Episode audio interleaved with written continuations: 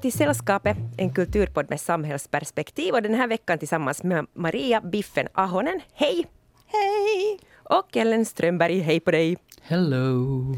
Och jag, Anne Hietanen, säger också hej och jag är här som praktikant så länge som Kia Svetihin är på bar... Vänta nu, Kia Svetihin är på Bibban för att hon har studieledigt. Mm. Mm. Ellen, Ellen, vad ska du prata om idag? Jag ska prata om hashtag Swedengate. Aj, aj. Det blir, mm. det blir roligt. Månne vi hålls mm. sakliga? Kanske. Knappast. Knappast. Biffen, vad har du tagit dig an idag för projekt? Uh, jag, jag, ska recensera Harry Styles nya skiva och Jocke Bergs nya skiva. Mm. Jag kommer att prata om självporträtt, om kvinnor som fotograferar sig själva och speciellt kommer jag att prata om den finska fotokonstnären Iu Susiraja. Jag tycker ändå att vi börjar med att tala lite illa om Sverige, tänker jag. Ellen? Ja, men det mår man väl alltid bra av.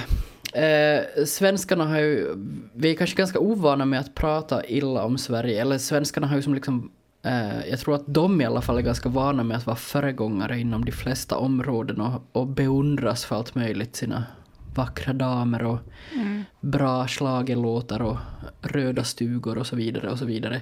Och därför är det ju förstås extra kul. Eh, speciellt när man som bortglömt lilla syskon till Sverige här i Finland kan sitta på sidan om och se dem svettas när det plötsligt trendar i världen igen. Men lite negativt och jag pratar förstås om Swedengate. Det som har varit eh, ett stort samtalsämne på sociala medier de senaste veckorna. Och har ni följt med det här? Mm. Lite jo. Mm. Och jag tycker inte att vi ska låta diskussionen dö ut eller glömmas. Nej. Nej, verkligen inte. eh, jag tycker att alltså... vi har ju alltså- lite börjat det här nu, liksom, för att vi har ju dissat Sverige här nu i några avsnitt. Så jag tror att kanske jo, vi har startat Swedengate. Mm. Det, jag tycker det. Jag tycker att vi kan ta, ta till oss att det var vi som mm. startade, mm. även om vissa menar då att den här uh, Swedengate-diskussionen startade på Reddit och sen for det vidare till Twitter och så bara det var där det liksom eskalerade. Men före jag går in på, på det desto mer så tänkte jag fråga om ni någon gång har blivit tvungna att vänta på rummet hemma hos er kompis någon gång när kompisens familj har ätit middag? Eller har er kompis någon gång väntat på ert rum? Alltså Ellen, Ellen, du utgår från att vi haft vänner. Precis. my bad, my bad. Ja. ja. Nej, alltså, jag hade nog två vänner när jag var liten. Okay. Här, okay. jag, jag, jag har inte råkat ut för det där och absolut inte hemma hos oss heller. Utan tvärtom så har liksom föräldrar ringt hem till mina föräldrar och varit sådär att de har dels för mycket mat och godis där. Sluta. Så det här. Nej, ja. det har inte hänt. Men det här är alltså vad Swedengate handlar om. Eller vad det handlar om till en början. Sen har det liksom kanske äh, blivit till någon slags an, en annan diskussion. Men, äh, men det började alltså på Reddit där det var någon som frågade om Eh, eller bad folk lista liksom så här kulturella särdrag man har upplevt liksom i olika länder och så. Och då var det en användare som skrev ganska snabbt att, eh, att han hade varit hemma hos sin svenska kompis och när svenska kompisens familj skulle äta, när mamman kom och sa nu är det mat, eh, så hade han blivit lämnad, han eller hon då, blivit lämnad på rummet så länge familjen satt och åt. Och det behövdes bara det, det lilla vittnesmålet så var Swedengate-snöbollen i rullning. Och eh, det här är ju som... Alltså jag, jag, blev ganska förvånad över att det här var en, blev en så stor grej. För att för mig, alltså jag har varit med om det här. Jag har varit kompisen som har väntat på rummet och jag har haft... Jag har varit den som har suttit och slafsat i mig medan min kompis väntar på mitt rum. Och jag hade som inte ens kanske jag hade liksom inte analyserat det desto mer, men det här blev ju förstås en, en eller förstås, men det här blev en, en jättestor snackis direkt för att det här är ju ganska, alltså många kulturer, speciellt kanske många kulturer söder om vår, eh, så, så är ju liksom, vad heter det, alltså gästfrihet är en jättestor grej och det är jätteviktigt att liksom bjuda på massa mat och sådär. Eller så här, överhuvudtaget bara liksom bjuda in till sitt hem på alla sätt och vis. Och eh, det som var roligt med den här diskussionen när det kom igång var ju förstås det faktum då att plötsligt var inte Sverige det här perfekta samhället längre. Med bara så här Bolleby-kalas hela dagen lång eller vad man har tänkt att de har där. Utan det här, Sverige är då landet som låter sina barns vänner svälta medan man förser sina egna familj, sin egen familj med köttbullar. Snåla, snåla. Ja, tycker ni att det här är, tycker ni att det här är en konstig grej? Eller liksom vad, ja, är det här värt att, eh, att bli upprörd över? Uh, ja, inte kanske upp, men jag skulle liksom personligen inte göra sådär. Jag skulle hellre, liksom, fast jag skulle vara hungrig, uh, så skulle jag då hellre, eller jag skulle säga att vill du också äta om jag har en kompis där hemma, så skulle alla äta tillsammans. Jag, jag vet inte, nej, det, men, men jag har sådär att, att mitt barndomshem har varit just sådär jättegästvänligt och det är mycket fester och man tycker om att laga mat. Så i mina öron låter det där nog jättekonstigt, liksom helt superkonstigt. Mm. I min värld låter det där väldigt normalt. Alltså, jag, jag förstår inte mig på det där att man ska besöka... Nej, men nu, nu, nu, nu överdriver jag. Men jag är inte van med det där öppna dörrar, alla är välkomna. Jag tycker det är härligt. Men jag är så på något sätt ändå introvert att om någon ringer på dörren så blir jag så till med att jag går och gömmer mig och jag skulle aldrig få för mig att bjuda mat och skulle det vara ett främmande barn hemma hos mig så skulle jag nog göra allt för att få ut det fort. det låter som att du skulle fått ohyra. Nej, men jag tänker så här, tänk att du har en familj då och så ska ni äta så är det något främmande barn då. Men inte kommer det ju något random barn och bara ringer på dörrklockan och säger att Anne ger mat åt mig. Nej, nej. Jag tänker att man själv har ett barn och sen där barnets kompis är ju främmande. För inte vill jag ju bli kompis med det barnet. Jo. Och så är man säkert tillräckligt med det där egna barnet. Så jag tänker så att man skulle sätta, nu är det middag. Så det är inte lite som när man har fest och så tar man fram dammsugaren om inte de annars har förstått att gå hem. Att man säger att nu ska jag nog städa. Mm. Och sen de fattar inte och de fattar inte. Så börjar jag nog dammsuga till slut. Och jag tänker det att man eh, då lagar fram en middag så det är lite sådär ett tecken på att nu ska familjen vara tillsammans och nu ska alla främmande barn bort.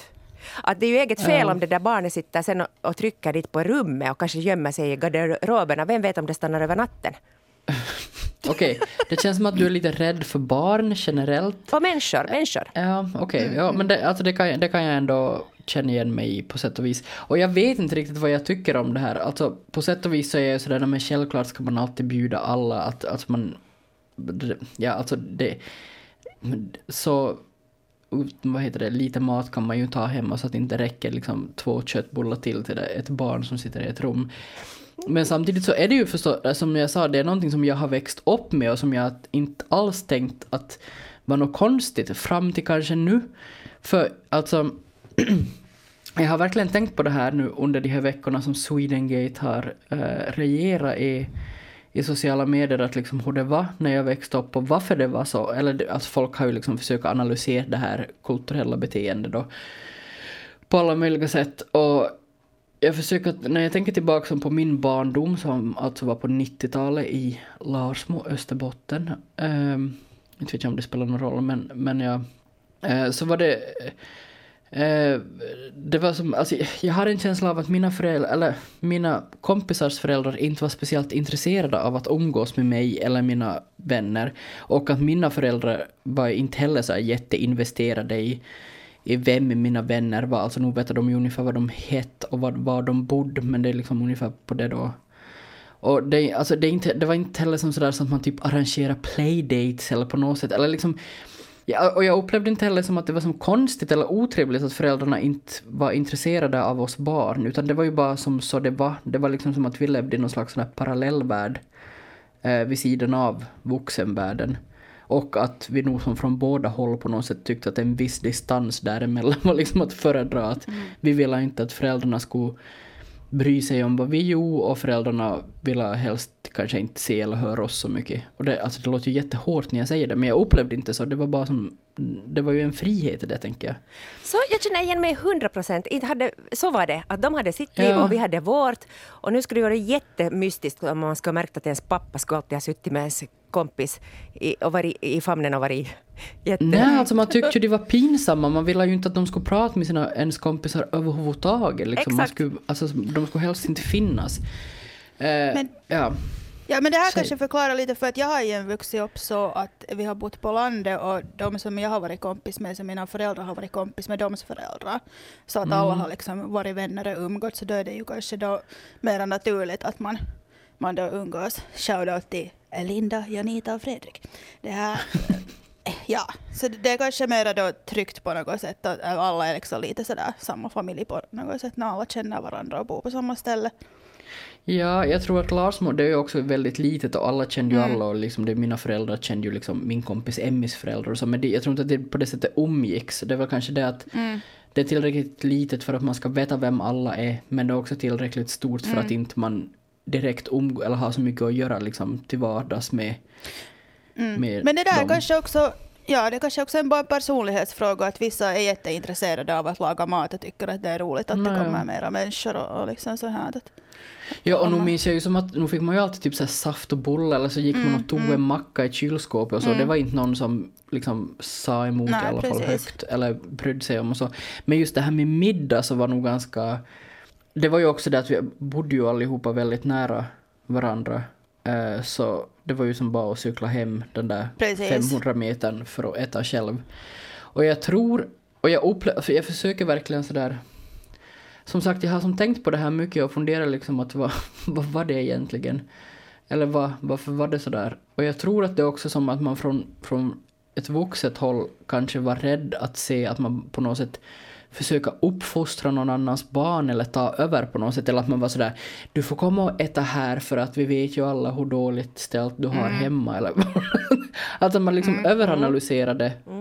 Det kan nog vara en sån här överdriven respekt och sen man visste inte riktigt vad skulle föräldrarna tycka då, i där i andra familjen. För att man hade inte på det sättet kanske så mycket snabb kommunikation heller. Att inte hade, ja. Nej men precis. Och att liksom att, att man kanske som ställt till det på något sätt, eller så störd ordningen om man mitt i allt bjöd ett barn på middag som egentligen skulle äta hemma om en timme senare, alltså en timme senare eller någonting. precis. Och om man dessutom bjuder någon på middag så kan det uppfattas som att den som har blivit bjuden står i någon slags tacksamhetsskuld till den som har bjudit. Och så blir det som en sån här evig loop av att bjuda tillbaka varandras barn.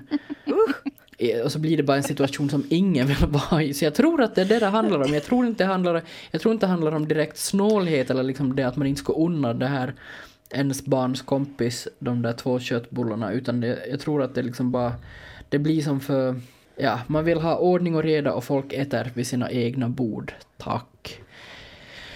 Och det där var ju som helt normalt då när jag växte upp men ju mer jag har tänkt på det de här senaste veckorna och det är kanske Swedengates fel. Eller jag tror att Swedengate har typ gett mig ett trauma som jag inte hade. För att nu när jag tänker tillbaka på det så är det sådär, så får jag nästan som en sån här visst magknip som att, att, ja, att jag sitter där i det där rummet och hör hur det liksom skramlar om tallrikarna och gafflarna och knivarna där och i köket och kanske hör att de pratar om mig och försöker viska lite sådär att ja, är hon fortfarande här? Alltså jag hamnar som sådär, jag hamnar som i en sån jättenegativ loop av känslor kring att jag var så här jätte... Och det här är kanske också till viss del sant för att jag var, alltså jag, jag var hemsk som barn. Eh, alltså jag var riktigt jobbig och lillgammal och jävlig. Och nu har jag som, nu är jag ganska säker på att jag var ganska oönskvärd hemma hos mina kompisar. och det kanske jag var på ett sätt då, för jag menar, jag tror att jag levde ut, alltså jag hade på sätt och vis ganska stränga föräldrar. Och jag tror att jag levde ut en hel del hos mina vänner som jag inte vågar göra hemma.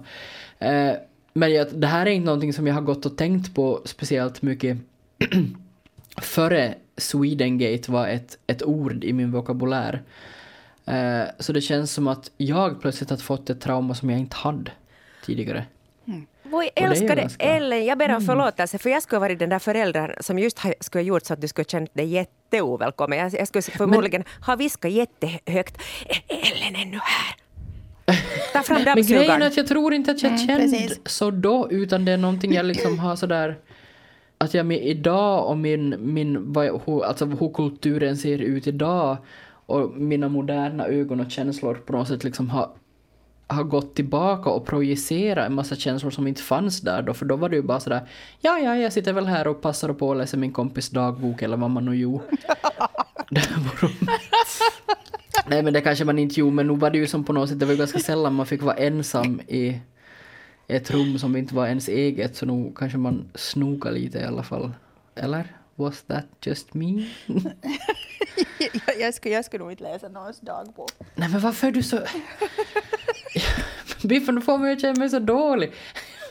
Jag har inte läst någons dagbok, det var bara ett väldigt extremt, äh, exempel och nu blir jag helt osäker på Nu, nu är alla dina har barndomsvänner helt i panik. Att, "Vad- vad vet hon om Nej. mig? Nej, jag tror faktiskt inte. Jag har inte någon minne av att jag skulle ha läst någons dagbok. Ja, ja, jag har. Men Ellen, jag skulle inte Ja. heller, jag skulle inte ens ha kommit på tanken. Nej men vet du vad, det, det där är intressant för vi pratar väldigt ofta eh, om det där med att läsa andras dagböcker och vi har gjort sådana här heliga ritualer för att lova varandra att det var heligt, att det får man inte göra. Och, men nu var man ju alltid frestad förstås. Men sen så det där insåg jag att jag vill inte jag kom ihåg att jag skrev så fula saker om de andra att jag vill ju inte, de har antagligen skrivit det om mig också. Och så tänkte jag att mitt Ja. psyke skulle inte klara av det, att jag skulle läsa vad de tycker om mig på riktigt, så jag gjorde inte därför. Alltså jag är osäker på om, jag, om mina kompisar ens skrev dagbok. Jag vet att jag gjorde, men att jag inte alls skrev sådär typ, inte skrev jag ju vad jag egentligen tyckte eller kände, utan jag skrev det på ett sådant sätt som att om någon läser det här så ser det bra ut. Ja, ja, ja. Jag skrev bara skit om mig själv så då är det liksom helt okej att vem, Ah, vem som helst ja. får läsa det. Så det är helt lugnt. Ja. Eh, nej men som sagt, det är, inte bara, det är inte bara jag som har funderat på Swedengate och vad det här hela grejen då de här senaste veckorna. Att varje, alltså jag vet inte hur många artiklar och analyser jag har sett de här senaste eh, veckorna. Både alltså svenska men också internationellt. Internationellt så har folk försökt liksom Eh, analysera och, fundera på att varför är svenskarna så här och vad betyder det? Och, och sådär och, och folk som kanske har varit en termin i Sverige när de har läst jag vet inte vad, men, eller typ har någon slags upplevelse av att ha varit i Sverige en längre tid så har delat sina upplevelser och bara ja, så här var det och bla bla bla bla. Samtidigt som man i Sverige då har försökt liksom sitta och fundera på att varför, varför pratar folk så mycket skit om oss mitt i allt? Eh, en stor teori har varit om att det är någon slags rysk smutskastningskampanj som pågår för att varför skulle man annars ha något ont att säga om Sverige? Att det är någon Wow. slags... eh, ja, det känns väl som att, att eh, ja, nej, det kanske finns värre saker ryssarna gör än just nu än sprida skit som inte ens är skit utan bara sanning om Sverige. Men det är en kul Ehm. teori, det måste man säga. Jo, jo, alltså det, det, är klart, det är klart att man kanske blir lite panikslagen när man aldrig förr har liksom alla, man bara går runt och trott att alla älskar en och så mitt i allt så bara herregud.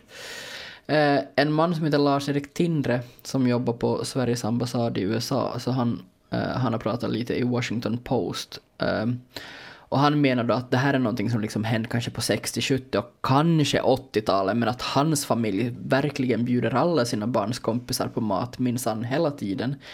Och, och Sara Larsson eh, som också har tweetat om det här och först var sådär haha peak Swedish culture och tyckte att det var jätteroligt.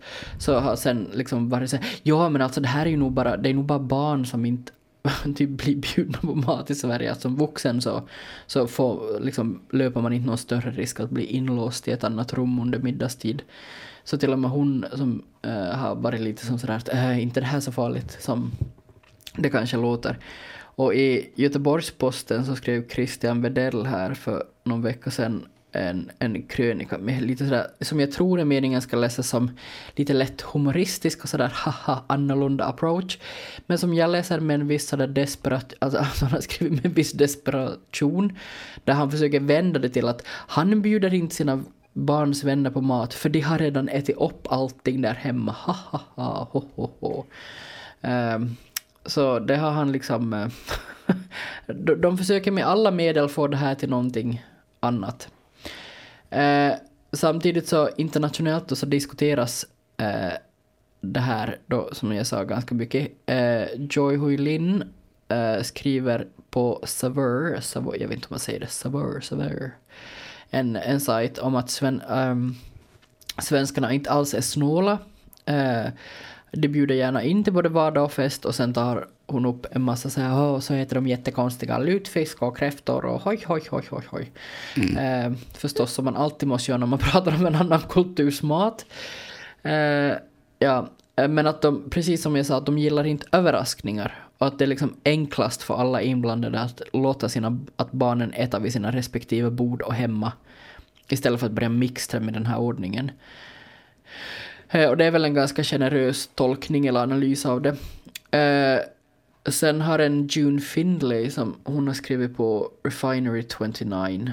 Uh, eh, och hon har skrivit och hon har dragit liksom paralleller Uh, hon är då en svart kvinna som, som i någon, uh, under studietiden jobb, eller bodde i Sverige och studerade en tid. Och hon drar liksom paralleller mellan det här Swedengate, det beteende och liksom svenskarnas generella misstänksamhet och kyla till allt nytt och främmande och gör det liksom till en, till en diskussion om rasism och, och främlingsfientlighet. Och hon är inte den enda, det här är liksom en del av Swedengate. Och det är kanske därför det också har blivit en, eh, en stor diskussion. Just för att det har liksom det har öppnat upp locket för mm, liksom att, eller så no, på något sätt har man liksom så här punkterat den här bubblan av att Sverige är ett så framåt och inkluderande land att det kanske inte är hela sanningen.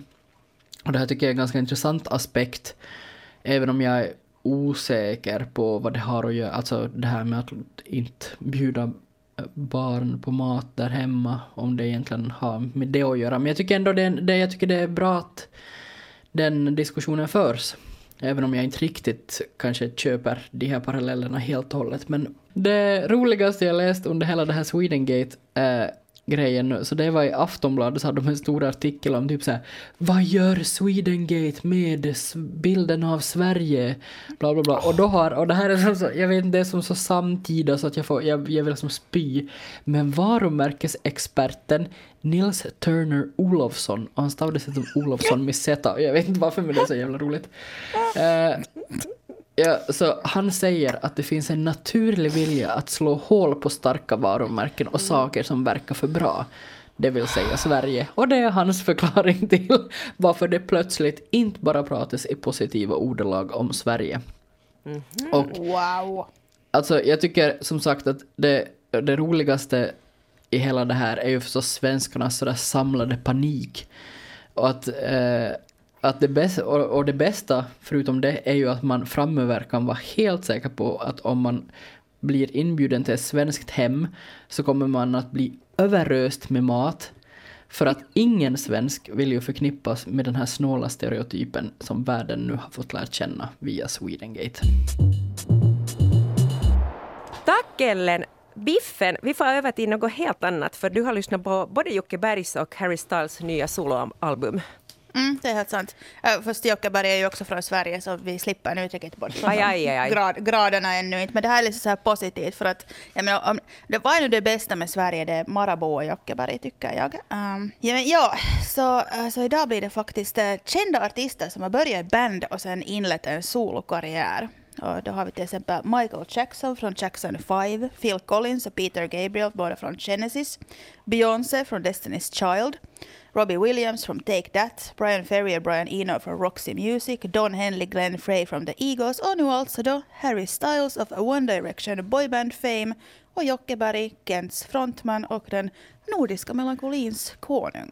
Uh, ja, uh, så alla har väl bara väntat på nytt material från Harry Styles ända sedan 2019 Fine Line som är en modern klassiker och faktiskt den nyaste skivan som är med på senaste Rolling Stones 500 Best Albums of All Time-lista. Det är liksom typ av 497 men ändå. Och vi Kent-fans hade ju gett upp hoppet. Jocke hade dyrt och heligt svurit att aldrig mer och sen mitt i allt så kommer han med ett statement att jag gjorde nu lite kul i studion för mig själv och sen blev det så bra att jag släpper en skiva om en vecka. Tack och förlåt. Och det kändes som om Elvis skulle ha återuppstått från döden. Och till och med legendariska Kent-forumet som lades ner 2016 har öppnat igen. Kalla på det. Mm. Oho, hej, det här är ju en ganska ny sak, eller inte nu ganska men senaste tiden no, att mitt i allt superstora artister släpper ett album helt ut ur mm. det blå. Och jag blir alltid ja, så Taylor chockad. Swift har gjort det. Ja, det är helt, det är helt huippo. Det, det, jag, jag gillar det. Aj, du klarar av den här överraskningen. För jag kan bli liksom sådär tagen på sängen att jag sen tänker att men då är jag inte tar del av det här. Jag tycker egentligen det är bättre för att det är en överraskning. För att om det skulle vara sådär för hypat och liksom så länge, länge, länge så då skulle jag få den filen så liksom så att äh, jag orkar inte med det här liksom så här ser Men sen är det så här överraskning så man säger att oh, okej, okay, I can live with this. Mm. Men ja, uh, men, men nu måste jag liksom, jag vet, har, ni, har ni lyssnat på One Direction? Jag, jag har liksom ingen koll uh, alls. Inte alls. Jag, skulle, jag gillar Harry Styles idag men jag var lite mm. för gammal när One Direction kom så jag har ja, inte riktigt... Ja, jag har samma. Uh, ja. Jag har nog lyssnat på alla de stora hittarna för att jag har jobbat på radio så länge, men inte, inte, inte annars. Just det. Men jag, så jag, jag tror liksom att han har kanske lite fått kämpa med att anses som en riktig artist. Men det har ju liksom lyckats med. Och jag tror att det är just för att det är så många som nu lyssnar på Harry, så de har noll koll på One Direction, så det ger liksom en viss frihet åt honom. Men sen Jocke, han har ju igen ganska så här tunga skor att gå i med tanke på att Kent var det absolut största bandet i Norden i över 20 år. Men Harrys sound är sådär modernt och det är varvat med 70-tals soul och disco-vibes. Det tycks vara jättepopulärt nu. Har ni hört Lizzos nya disco-banger About Damn Time? Den är helt sjukt bra. Och sen det här namnet Harrys House ska vara inspirerat från japanska artisten Harumi Hosonos album Hosono House från 1973 som är en av Harrys favoritskivor. Och jag försökte faktiskt lyssna på den och det var så 70-tals japansk progge och jag var sådär att nej tack, inte. Men kiva om Harry diggar. Uh, och sen uh, Jockeberg är eh, mest inspirerat av Jockeberg. Det, det är liksom väldigt kentigt och Jocke har ju skrivit mycket åt andra artister sen Kent slutade. Han har skrivit åt Petra Marklund och Veronica Maggi och, och man hör det liksom nog ganska starkt. Och det, det liksom, jag tycker att det är fascinerande för att utan de andra medlemmarna i Kent så hör man bara Jocke och det, det är liksom mycket mjukare och, och lugnare atmosfär. Att det, det känns liksom som, som Uh, då när han har varit med i Kent så då har de här låtarna kanske sen utvecklats liksom mera åt ett hittigare håll. Så här bandet har kommit med där, nu har de liksom lite stannat där liksom. Vilket, vilket är helt jätteokej. Och, och Jocke han gjorde ju skivan Paus med The Cardigans, Peter Svensson 1998 och den är helt bra by the way. Um, så man har fått liksom lite vibes att hur han, hur han låter utan utan Martin själv då, Sami Sirviö och Markus Mustonen. Men jag måste säga att jag saknar det här drama och aggressiviteten av Samis gitarrvaller. Men igen, det var Kent, inte Jockeberg. Och jag är säker på att ju mer jag lyssnar på, jag fortsätter glömma, desto mer kommer jag att hitta nyanser i skivan. Och jag känner liksom det där suget, jag vill bara lyssna på den mer och mer och mer. Och i vilken situation skulle man då avnjuta de här albumen? Harrys House är som gjord för en somrig lördagkväll i ditt coola loft medan du dricker cocktails, är klädd i någon med paljetter och sen är du på väg på fest downtown med dina bästa vänner och du vet att hen som du är kär i kommer att vara där och du bara liksom filar det. Och sen Jockes album är sådär att följande dag i melankolisk krabbis när hen du var kär i har hånglat med någon annan hela kvällen. Alla dina krukväxter har dött och du vill aldrig se en människa mer. Du vill bara gömma dig bakom dina wayfavers, köra hårt på motorvägen och grubbla över Palmemordet. No. Jag tänkte just säga, jag är glad att du sa det där med att köra på motorvägen. För att jag lyssnade faktiskt på Jockebergs skiva förra veckan.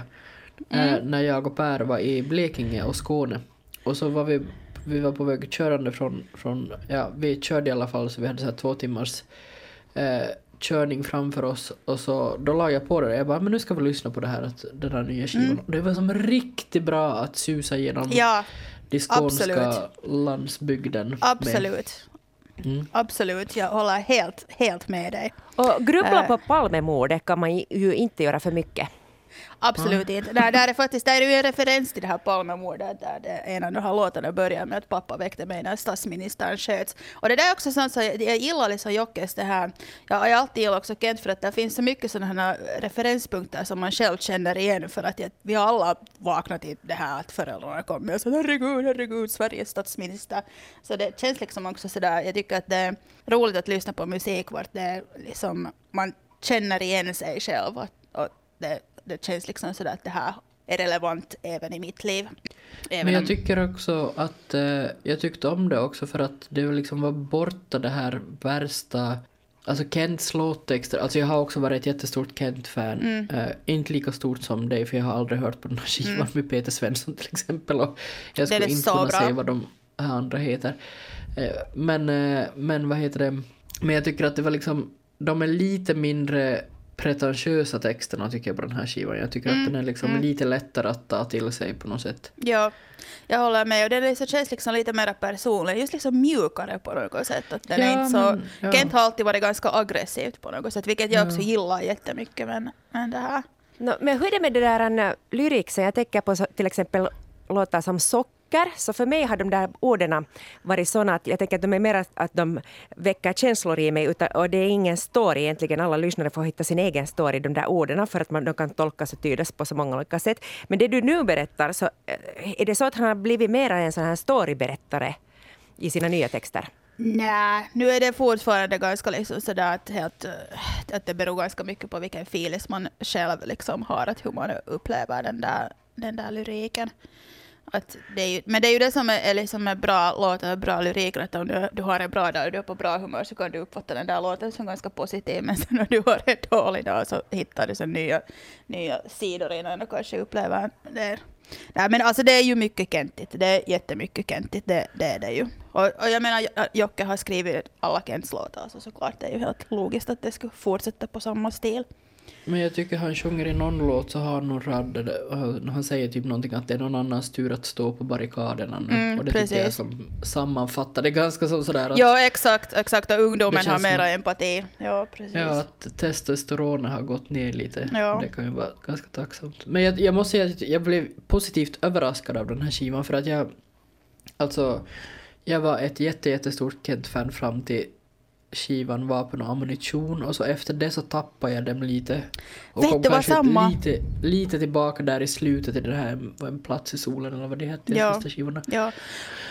Men eh, så ja. därför var jag lite sådär jag hade inte alltså, jättehöga ju... förväntningar, men jag blev mm. Positivt överraskad. Ja, alltså jag hade samma för att jag kommer ihåg när Vapen och ammunition kom, så jag tyckte om den där skivan, men jag blev sur för att de blev så populära. Och de hade alltid spelat på Tavastia. Och sen som inte så kommer de till Helsingfors och de är på ishallen och jag sa att vad är det här för vittu skit? Och sen hela stan är på väg dit. Alla jävla Burberry-mojin som aldrig ens har hört om Kent, men säger att nu ska vi på Kent-konsert, det är så coolt. Och jag var så arg. Jag var så arg, jag var så att jag går inte på den där konserten. Att liksom, håll er liksom sellout shit, liksom. Jag bryr mig inte. Och sen så kommer jag ihåg, liksom, jag, var på, jag bodde i Töle och jag var på väg hem i spårvagnen. Alla andra var på, på en kejka och jag var såhär, jag går hem och lyssnar på deras första skiva som vi true fans gör. Ja. Så, ja. Men, men jag hittade nog tillbaka sen liksom när, när det här Du och jag döden kom och sen tillbaka till samtiden som är kanske min favorit Kent-skiva. Så jag tänkte just fråga, liksom, vilken är din favorit Kent-skiva? Jag ska säga tillbaka, ja, tillbaka till samtiden eller sen Röd. Röd är kanske den som jag mest lyssnar på. Den är liksom, mm. den är, och den är sån att om jag en gång lyssnar på den så måste jag lyssna på den liksom sju gånger i sträck, att en gång räcker inte. Alltså det är just vilken, vilken är din? Alls har lyssnat på egentligen. Uh, min favorit är Hagnesta Hill. Ja, ah, men den är ju så bra. För att den, den, har nog, den tog mig genom högstadiet. Ja. Ja, Många nätter precis, som man har lyssnat precis. på den på repeat och bara... Ja, gud ja. ja gud. Alltså jag kommer ihåg att Hagnesta Hill, där, den hade just kommit ut och, och vi hade biljetter. De, de spelade två keikkor på Tavastia, liksom putken, och sen vi var på första raden och, och sen så jag råkade just vara i mitten av första raden och när de sjöng ingenting någonsin så Jocke han liksom böjde sig ner och liksom, jag, jag kände hur hans liksom, vet du, svett ungefär droppade ner på mig och jag var så såhär, det här är den lyckligaste stunden i mitt liv. Jag hade så mycket kompisar som var på att är du vid liv, är du vid liv? Jag hoppas att jag kommer aldrig att tvätta mig. Ja, ja, det, var, alltså, det, var, det var så jävla bra. Oh, oh, oh. Men jag måste fråga, om vi återgår till de här, att de båda hade kommit från band. Så visst är det mm. ganska speciellt det där när de ska komma med sin första soloskiva, att på något sätt, det är ofta frontfigurerna, inte alltid men ofta, från de här stora, stora banden. Och att de är liksom högst uppburna, men samtidigt blir de också lite underdogs för att de har svikit gruppen och det kan komma mycket badwill från att de lämnar gruppen. Mm. Så va, mm. hur många det påverkar den här artistkarriären att när du släpper din första soloskiva så du mycket, mycket mm, pressure på... Vad, vad är pressure? Ja. Press. Uh, press. press. Ja. Tack! Ja. Så då har du ja, mycket, det... mycket press på dig att bevisa att det är värt det att förstöra det här fina bandet för mitt eget. Jag tror att det är som mera press kanske på Harry Styles för att det är ändå ett boyband som inte har varit så kredit på något som helst sätt. Att det är svårare att liksom, det är ganska få egentligen tycker jag som lyckas med det där att de sen blir en jättekreddig artist. Att de kommer liksom från ett helt sånt byggt boyband och sen när första skivan kom så man sa wow, det här är jättebra. Mm. Uh, så ja, men han har ju liksom nog, han har extrem, men han har ju säkert ett ganska, en ganska stor grupp där omkring sig som jobbar för det här och vet precis hur man ska göra. Så. Men Uh, rätta mig om jag har fel men Harry Styles lämnar väl inte One Direction egentligen? Utan de, det var väl typ gemensamt beslut? Ja. Och de där andra har väl också gjort några soloskivor. Att det, det, ja, Som det ingen har brytt sig ja, om någonsin. Exakt, ingen precis. Tänk hur det också min... måste kännas för de där andra. Sen liksom Harry Styles är så här glo global ikon. Och sen den där oh. andra så här, det ska vara jättesurt. Men jag, jag minns bara, alltså för när Robbie Williams lämnade Take That så mm. vet jag på tal om vad man har skrivit i sina dagböcker så skriver jag typ sådär att jag kommer aldrig till förlåta honom för att Ja, det var kris. Och sen har, förstörde Take That. han blonderade håret och började docka och umgicks med Oasis och liksom helt oh, hemska saker. Ja. Men han har ju också fått en, som, en större karriär än Mm. vad Take That hade någonsin nästan. Ja, jo, jo. Vilket var, ja, vilket var jätteotippat för att det var ju Gary Bar- Barlow som skrev de där låtarna och alla kallade liksom att han skulle bli. Men, men sen Gary Barlow, han var så late bloomer för att han var ju inte liksom sådär jättesnygg när han var i Take That. Han såg liksom ganska såhär äh, jätteosexig. Men nu, han är så satans het nu för tiden. Han är liksom Är han? riktigt, jo, jo, jo, jo, jo. Han Måste liksom, vet du, han typ bild, fyllde 40 och liksom bara såhär ping. Liksom, åh, han han ser riktigt, riktigt bra ut nu för tiden. Och det unnar man honom. Oj vad roligt. Oj, oj. Ja. Så det, jag tycker alltid om det där. Jag, jag är för late bloomers. Alltid. Alltså va- jag, jag Mm. sitter bara och väntar på att när, när liksom, jag bara vaknar en morgon och liksom ping, ping. Det här, ja, jag not väntar gonna happen. Nej, det vet, jag väntar också att det, det kommer att hända nu. Men sen vet jag inte, är det liksom något sjukt med det där passiva väntande? Att jag väntar att en dag vaknar jag och så faller allt på plats och all, all, Ja. allt, alla säger åh vilken talangfull kvinna. Men, men det där, här väntar, jag, här väntar man nu. Ja, ja, ja. Men så, äh, Harry som har 70-tals-vibesen, de syns även i omslaget. Och typografi med Trooper Jazzerini-fonten, den är så väldigt retro, men den är jättestilig. Och på omslagsfotot så står han i så här upp och nervänt rum med soffan i taket, klädd i vita jeans och en vit blus. Och hans klädstil har ju länge varit ganska så Mick Jagger-inspirerad, men nu är den så mer teatralisk och det är pajettdräkter och, och grejer som gäller. Och jag gillar verkligen det här med Harry, att han blandar feminint och maskulint. Han har en härlig personlig stil. Och jag köpte den här gula vinylen, limited edition. och den är jättefin. Uh, och sen Jockes Jag fortsätter glömma vinyl. Den kommer först i september. Så jag köpte CD-versionen för att jag är så gammal att jag har en CD-spelare. Och på Jockes omslag så är det ett svartvitt foto som är taget av Anders Petersen på ett naket par som sitter på en säng och det är fotot bakifrån. Och det är så här artsy-fartsy och fotot är tejpat på en röd bakgrund och har en så här väldigt minimalistisk font. Och det, är liksom så här, det känns liksom så att jag skulle kunna designa det där. Jag tycker att den är jättesnygg. Jag verkligen gillar den. Och, och sen liksom så här slutliga filisen. Harry Styles, det är som ett stort stort glas kall limonad när det är hett och du vet inte om du känner dig sexig eller lite ledsen. Och sen, och sen Jockes skiva. Jockes skiva är som ett glas rödvin på ett litet men dyrt konstgalleri när du känner dig osocial och du vill bara gå hem men du måste vara där för att dina tavlor är med i utställningen. Härligt! Fan så bra! Ja. Och sen här mina favoritlåtar äh, från Harry Styles är As It Was, Late Night Talking och Little Freak. Och Jocke Berg, Barn av vår tid, Begravningsbål och Då var allt. Men jag måste säga att jag gillar mest att lyssna på skivor som helheter för att inte läsa man böcker heller så att man läser bara några kapitel. Uh, och sen slutligen, vem ska jag ska jag hellre gå på om jag bara ska få välja en? Svår fråga. Harry lär ju vara galet bra live. Han är pupsig som en Shiba Inu-valp rullad i konfetti. Men sen samtidigt är Jocke Berg en så otroligt viktig artist för mig som jag avgudat sedan tonåren. Så ja, det blir Jocke forever. Jag sitter här och tittar på ett fotografi och den föreställer en kvinna som är mycket lättklädd och hon står framför en WC-bytta som innehåller en liten plastjulgran. Och i munnen har hon en röd klacksko och mellan benen har hon en fisk som är ganska stor. Också fisken har en röd klacksko i munnen. Och kvinnan tittar mig i ögonen och har en ganska svårtolkad blick. Hon ser också lite sådär uppfordrande ut att Nå, vad säger du nu? Men sen, samtidigt så ser hon också ut sådär att, att inte bryr hon sig, att hon är ganska trött och inte så intresserad. Och det här är ett självporträtt av Io Susiraja som helt nyligen lyftes upp väldigt stort av The New Yorker i en serie som heter Photo Boot. Io Susiraja, jag skulle säga att, att medan ni lyssnar på det här så sök gärna, gärna upp henne eh, och hennes bilder så får ni genast den där, vad är det för frågan om? Och om ni, inte, om ni sitter i bilen nu och inte hinner så gör det en annan gång. Men jag vet att åtminstone du Biffen följer henne redan på Instagram. Ja, ja, hon har, hon har intressanta foton. Och, och Ellen, är hon bekant för dig? Jo, absolut. EUs Susiraja hette egentligen Pirre Karvinen ända fram till år 2006. Hon är född i Åbo. Hon jobbar och verkar fortfarande från Åbo. Och hon är känd för sina bilder och videon där hon oftast då eh, poserar själv. Och hon har också med sig ofta en rekvisi, någon rekvisita.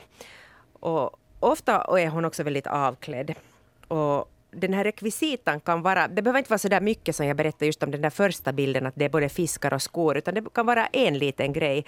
Ofta, en korv. En korv, och faktiskt, ofta är det mat. Det kan vara en bullalängd eller strömming eller korv, glass, smör eller bröd. Och inte så att hon äter det, utan hon placerar det på kroppen på ett oväntat sätt. Och sen kan det då också vara skor eller en piltavla eller sand eller någonting. Och hennes min är ofta väldigt, den är ganska uttryckslös. Men den är inte ändå det, för det, det är den där minen man har när man har eh, för att använda ett fräscht uttryck, sålt smöret och tappat pengarna. Man, man, har liksom, ingenting funkar just den dagen. Dopani, dopaminnivåerna är helt obefintliga. Datorn startar inte, det är inte kul. Hon har den minen. Och på de flesta så möter hon också tittarens blick. Och jag upplever det här som att det är en uppmaning att jag ska titta tillbaka och ta ställning och känna att jag kan inte bara titta på henne utan jag på något sätt dras in i det här verket. Och i en TED-talk som hon gjorde 2011 så sa hon då att eh, hon vill få tittarna att känna samma känslor som hon har eh, känt. Men folk tolkar ändå den här bilderna jätteolika. Att vissa tycker att de är bara humoristiska. Någon kan tycka att de är förnedrande.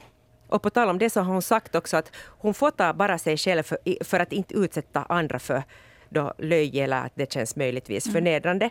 Men hon fotar primärt för att hon vill kunna se sig själv. Och sen också, det tycker jag är härligt, hon är jättepragmatisk. Att det är nu praktiskt för att hon är, hon är ju där själv i sin lilla lägenhet. Mm. Att då är det bara att ta det vad du har.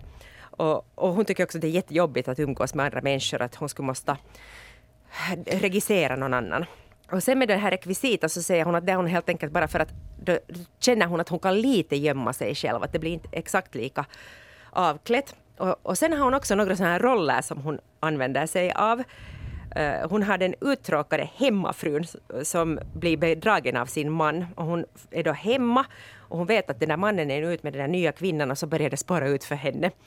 Och, och till exempel, jag tror att den här hemmafrun är en sån här bild som jag gillar också av någon anledning jättemycket. Man ser bara hennes underkropp och hennes ben och så har hon på vardera knä en genomskinlig plastpåse och inne i plastpåsen finns en högklackad sko. Så, och de hänger ungefär där vart fötterna ska vara. Jag vet inte, på något sätt så är den så komisk för jag tänker att, det, att man ska ju ha högklackat på sig då när man ska vara fin, men det är också väldigt obekvämt, så hon har hängt dem i påsar där som att på något sätt visa att, att hon, är no, hon har nog med dem, de är bara inte riktigt på. Och jag, jag, jag finner den bilden på något sätt jätte, jättefin. Sen har hon en annan karaktär också som hon brukar, brukar leka med och det är byfånen. Och då hade hon bara liksom så här extra fånig min. Men den är också med kärlek gjord. Och när man känner till de här två karaktärerna så börjar man nog hitta dem ganska lätt i hennes eh, produktion. Men det vad hon gör absolut oftast är då helt enkelt att hon är sig själv och hon fotograferar sig själv. Och just de här bilderna där hon är sig själv, så de berör mig på något sätt så väldigt djupt. Och jag, jag känner kärlek för henne. Och när jag känner kärlek för henne så känner jag förlängning kärlek också för mig själv. För jag känner igen mig i den där blicken. Jag har sett den i min egen spegel många gånger. På natten till exempel när det har varit svåra perioder. Jag har skakat på huvudet och tittat i spegeln och funderat jaha, hur ska man göra det här då? Och det är det som jag läser i, i hennes blick. Och sen så tycker jag att det, där, det är på något sätt ett mentalt landskap som jag känner igen.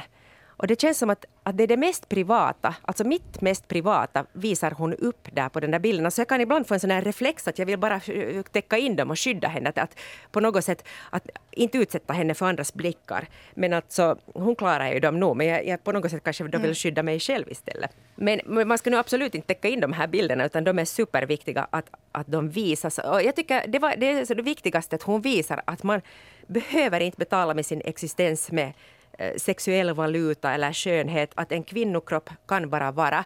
Och den här bilden är så långt från den där objektifierade manliga blicken eh, som, som ska tillfredsställas. Att hon, hon är inte där för, för det, att tillfredsställa någon.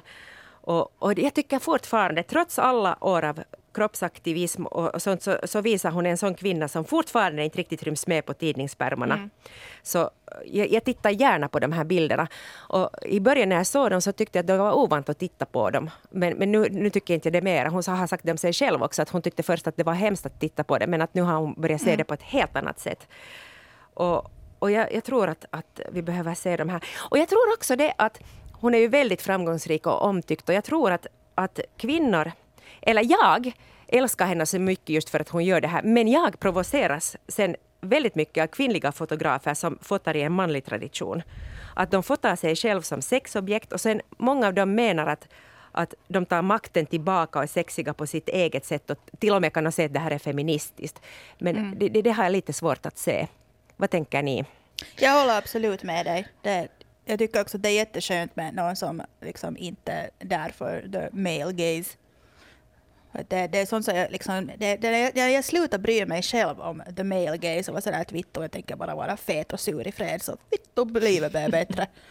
Eh, liksom, det är så skönt. Ja, jag tycker också att det är kanske en, en av de stora behållningarna med, med det här eh, Sosirajas foton är just det här eh, den här kroppen som bara är och som på något sätt är liksom en, en kropp man använder och en kropp som finns och inte, inte bara en kropp man tittar på. Och det tycker jag är ganska trots att vi lever i ett tidevarv av kropps, precis som du säger Anne, så här med kroppspositivism eller positivitet eller vad fan det heter och, och sådär så är det ändå, jag tycker att det som den rörelsen på något sätt har, har fått fram ungefär som att man kan vara snygg även fast man är fet eller whatever men det, liksom, det har missat hela det här med att men man, en kropp måste inte vara snygg. Eller liksom, en kropp är Exakt. först och främst någonting du använder och inte någonting som ska tittas på. Så det tycker jag. Sen tycker jag jättemycket om liksom, hon har en ganska så här, uh, inte dämpad färgskala, men det är en ganska så här dammig färgskala i hennes foton tycker jag. Ganska sådär, eller det, alltså den här färgskalan som hon använder sig av är väldigt eh, kroppslig och kötslig och, och dammig på något sätt. Alltså, det tycker jag jättemycket om. Och jag, eh, jag var i Malmö på Moderna Museet och tittade på en utställning av, heter hon Annika von Hauswolf kanske? Eh, och hon har också en massa sådana fotoserier med, med kvinnokroppar eh, och, och också med strumpbyxor och massa, och använder sig lite av samma färger. Eh, och jag tycker att det finns viss eh, släktskap där på något sätt. Om jag ska vara riktigt konstanalytisk här nu som jag inte har något belägg för att vara. Men eh, ja. En av de absolut största föregångarna i den här genren så är ju Cindy Sherman. Och på 80-talet så släppte hon en serie som heter Centerfolds. Och det var hennes tolkning av utvikningsflickor. Och de var egentligen inte alls något avslöjande eller avklädda. Men det blev otrolig skandal på grund av de här bilderna. Och man tänkte att, att hon såg så hjälplös ut som ett offer och ett objekt. Och så tänkte man att hur kan hon som kvinna fota sig själv så här att nu sviker hon alla. Och det blev en debatt att är hon alls någon feminist? Och det blev, samtidigt som bilderna gjorde enorm succé i New York då på 80-talet så blev det jätteinflammerat och obehagligt. Och det, Cindy Sherman sen konstaterade att hon kommer aldrig mer att debattera sin konst eller prata om den i offentligheten. Uh, och, och, hon tyckte, kände sig också jättemissförstådd för att, för att uh, det var ju inte alls det vad det handlade om, tvärtom. Och annars är hon ju känd av att göra så här kvinnor, bilder där hon porträtterar antingen då historiska porträtt och gör dem på nytt sätt eller sen att hon utgår från kvinnliga stereotyper. Yrkeskvinnan, vampen, horan och sen fanns det inte så många andra stereotypier. Men att hon... hon That's it. det var de. Influencer. Ja, och, och, det där, och hon tar i, på sig de här olika rollerna. Uh, Cindy Sherman. Och, och sen en annan som ska nämnas, jag tänker inte namedroppa så mycket, så är Francesca Woodman. Och hon hade mycket svartvita fotografier av sig själv men också av andra kvinnor. Och de var också så, väldigt oskarpa på grund av långa exponeringstider. Och jag vet inte, och det är kanske lite hemskt att säga det, men jag säger nu ändå. Jag tror att eh, kanske en del av hennes storhet också äh, blev från det att hon i väldigt, väldigt ung ålder begick självmord. Hon hoppade ut genom sitt fönster. Uh, och, och det, det, oftast är det ju sen att postumt sen så blir folk ännu mer kända. Mm. Men Ja, Susi Raja har också sagt att, nu, eller hon har fått frågan förstås, att men vad händer nu med de här kvinnliga fotografiska konstnärliga självporträtten när alla tar selfies? Och hon har sagt att hon funderar på det. Hon hoppas att, att det är bara liksom hemåt och hon hoppas att hon kan fortsätta med sitt jobb och att hon fortsätter fotografera sig själv. Att det kan vara väldigt hälsosamt och viktigt att få se sig själva.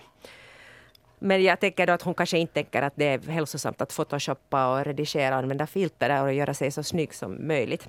Och ingenting, vi har pratat om det här någon gång tidigare, just vi tre, så ingenting är ju så provocerande som selfies där folk försöker se snygga ut. Nej. Och, jag vet att, att ni håller inte på med sånt, men jag, jag måste säga att jag... Du vet att alla våra Instagram-bilder är fula. Det tänkte jag just säga, det håller jag visst, det är bara det att det aldrig lyckas. Precis. Alltså, jag får aldrig så mycket sådana att mina vänner hör av sig och säger att nej men Anne, nu har du nu skämt ut dig igen. Och bara va, va, va? Kan inte sluta posta selfies där du försöker se snygg ut? Och jag, jag bara, nej inte gör jag ju det. Men nu gör jag ju det. Bara att jag gör det kanske en gång i året, men nu gör jag ju det. Och, och det, det är någon sån där osäkerhet.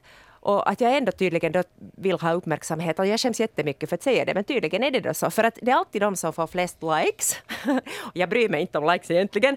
Men nu är det nu så väldigt roligt när någon säger att Hanne, du är nu inte så förändrad fast du är hundra år gammal.